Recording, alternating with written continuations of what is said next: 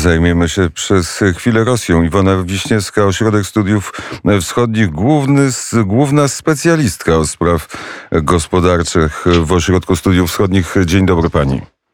Dzień dobry. W jaki sposób sankcje gospodarcze zaszkodziły gospodarce rosyjskiej? U, na wiele sposobów. E, przede wszystkim widoczna jest w tym momencie wysoka inflacja e, i to jest ten największy problem. I e, również niedobory wielu towarów. Z jednej strony ze względu na sankcje, czy te państwowe czy korporacyjne, e, z drugiej strony ze względu na przerwane łańcuchy e, dostaw do Rosji. E, no więc to są te największe problemy obecnie. Natomiast w perspektywie no, Rosję czeka kumulacja tych wszystkich, zwłaszcza tych sektorów, w których sankcje zostały, na które sankcje, na które sankcje zostały nałożone przede wszystkim, czyli nie wiem, sektor motoryzacyjny, transport lotniczy, czy e, to są te sektory, które najbardziej ucierpią. No i pytanie, jak będą sobie radziły z brakiem części e, do produkcji, czy w ogóle przestaną e, istnieć, czy, czy, czy nie wiem, będą szukać, Rosjanie już szukają pomysłu intensyfikacji współpracy z Chinami, żeby częściowo chociażby obejść ten problem. I Chińczycy są chętni do strategicznej współpracy z Rosją, bo też mają E, w tym e, nie tylko gospodarczy, ale i e, polityczny interes. Ale czy te sankcje, które dotknęły Rosję, są na tyle dotkliwe, żeby gdzieś próbować zatrzymać machinę wojenną Władimira Putina? No sankcje niestety nie są w stanie zatrzymać e, tych decyzji politycznych i wojny na Ukrainie. E, ich, ich, zadaniem jest przede wszystkim e, podniesienie ceny tej, tych działań i, i to rzeczywiście ta cena wojny staje się dla Rosji coraz bardziej wysoka. No i niestety sankcje te mają również to do siebie, że ich efekt przede wszystkim widoczny jest w perspektywie. No więc to nie są te elementy, które są w stanie, byłyby w stanie zmienić e, decyzje polityczne Kremla e, w stosunku do wojny na Ukrainie. Mm, to chyba przewodniczący Rady Europejskiej e, policzył, jaka jest pomoc efektywna, jeśli chodzi o pieniądze dla Ukrainy, która jest w czasie wojny z Rosją i i e, transfery finansowe e, za gaz i za ropę, o ile więcej e, wielokrotność pomocy na, na Ukrainie, to jest prawdziwe, oblicz, prawdziwe wyliczenia. Znaczy, no tak, no, Unia Europejska kupuje rosyjski gaz i kupuje rosyjską ropę, które są bardzo drogie obecnie. W związku z tym e, jakby te transfery mm, do Rosji są nadal bardzo wysokie, e, więc tutaj nie ma jakby, no, no, nie ma wątpliwości, że, że pomoc, znaczy, że przez mm, opłaty dla, do Rosji za e, surowce energetyczne są znacznie wyższe niż ta, niż obecne wsparcie e, dla Ukrainy. Tylko e, też mm, trzeba pamiętać, że Rosjanie nadal, e, rosyjski rząd nadal posiadają spore zapasy i nawet gdybyśmy dzisiaj wstrzymali całkowicie import rosyjskiego gazu i, i ropy, to przez pół roku nawet, myślę, spokojnie rząd rosyjski bez wszelkich dochodów byłby w stanie się utrzymać posiadając, korzystając z tych zasobów. Więc nawet te sankcje, e, na efekty tych sankcji trzeba byłoby mm, czekać. A co oznacza e, takie, e, takie stwierdzenie, że na początku maja Rosja będzie niewypłacalna? E, oznacza to, że Rosja nie jest w stanie e, e, obsługiwać swojego długu zagranicznego. Już 4 kwietnia rosyjski rząd wypłacił odsetki od euroobligacji w rublach, ponieważ nie był w stanie e, przez e, amerykańskie banki przesłać e, inwestorom dolary. Rząd amerykański zabronił im też właśnie na początku kwietnia korzystania e, z rezerw, które są, e, znajdują się w amerykańskich e, bankach do obsługi właśnie długu zagranicznego, jakby zmuszając rosyjskie władze do tego, żeby korzystały mm, przy spłacie zadłużenia, korzystały z tych walut, które udało im się zgromadzić w kraju. No, rosyjski rząd na to się nie chce zdecydować, nie chce się wyzbywać tych, tych walut, które do niej no, docierają. No efekt będzie taki, że no, prawdopodobnie 4 marca, po tym jak minie te 30 dni, maja, jak minie te 30 dni, no, Rosja zostanie uznana za państwo niewypłacalne. Jakie są, Natomiast... tego, jakie są tego konsekwencje? Czy wtedy jest konfiskata rozmaitych dóbr, które to państwo posiada na, na, na zewnątrz swojego kraju? Co się wtedy dzieje? No nie. Rosja przede wszystkim e, już teraz zapowiedziała, że e, jest to, e, że ten ewentualne bankructwo będzie wynikiem działań Zachodu, więc zamierza się sądzić i udowadniać, że to nie z jej winy nie udało się zapłacić inwestorom w dolarach. Poza tym e, to wszystko zależy od tego, jakie były warunki e, każdej transzy tych euroobligacji. No na pewno czego Rosja musi się spodziewać, to to, że pozostali inwestorzy, e, którzy są, którzy, kredytorzy Rosji, mogą przedterminowo również zwrócić się o mm, oddanie im swoich należności. No więc co prawda rosyjski dług zagraniczny nie jest wysoki, więc to też nie jest jakimś tam poważnym zagrożeniem dla Rosji, chociaż i tak jak z tego co widzimy, Rosja nie zamierza go e, płacić, zwłaszcza nie zamierza płacić go w walutach obcych, będzie próbowała to płacić w dolarach.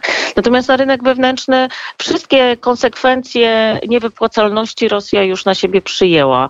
E, kwestia, nie wiem, dewaluacji rubla, e, czy, czy to, że inwestorzy nie chcą z Rosją współpracować, to to już jest faktem.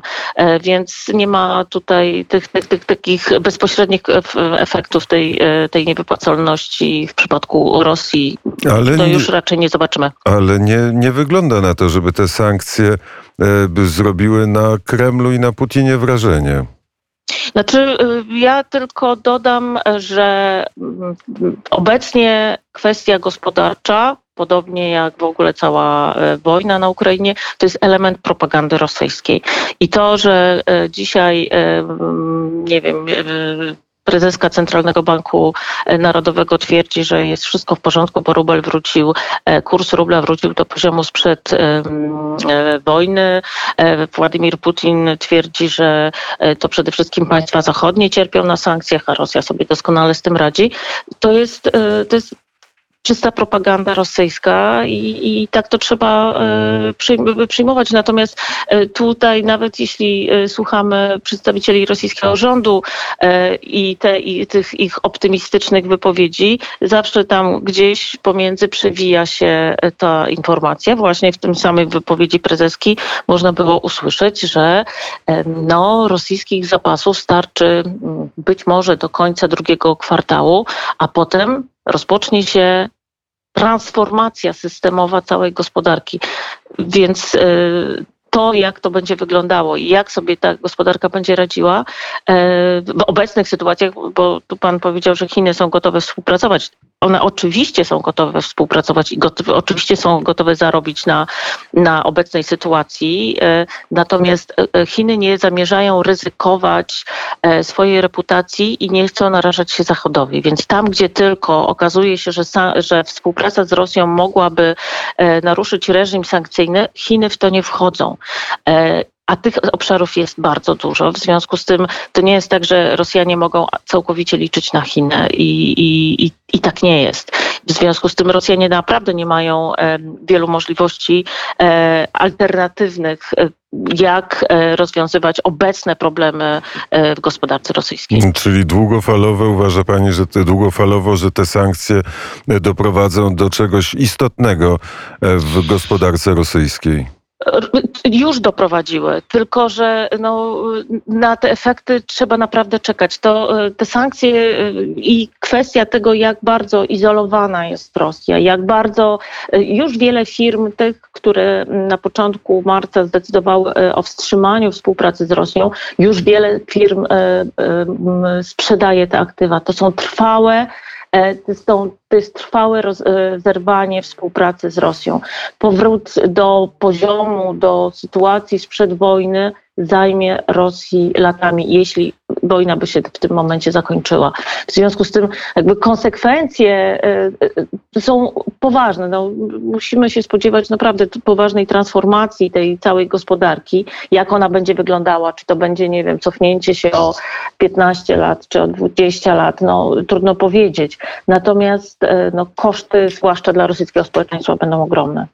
20 lat temu, trochę ponad 20 lat temu był wielki kryzys w Rosji, który zresztą w, Putin dzięki temu kryzysowi rosyjskiemu z 98 roku doszedł do władzy, ale czy w życiu codziennym mieszkańca Moskwy albo Petersburga, e, mieszkaniec Moskwy albo Petersburga odczuwa te sankcje gospodarcze? Coś się w jego życiu zmieniło? Coś mówi do niego e, Rosja jest w innym punkcie niż była przed wojną?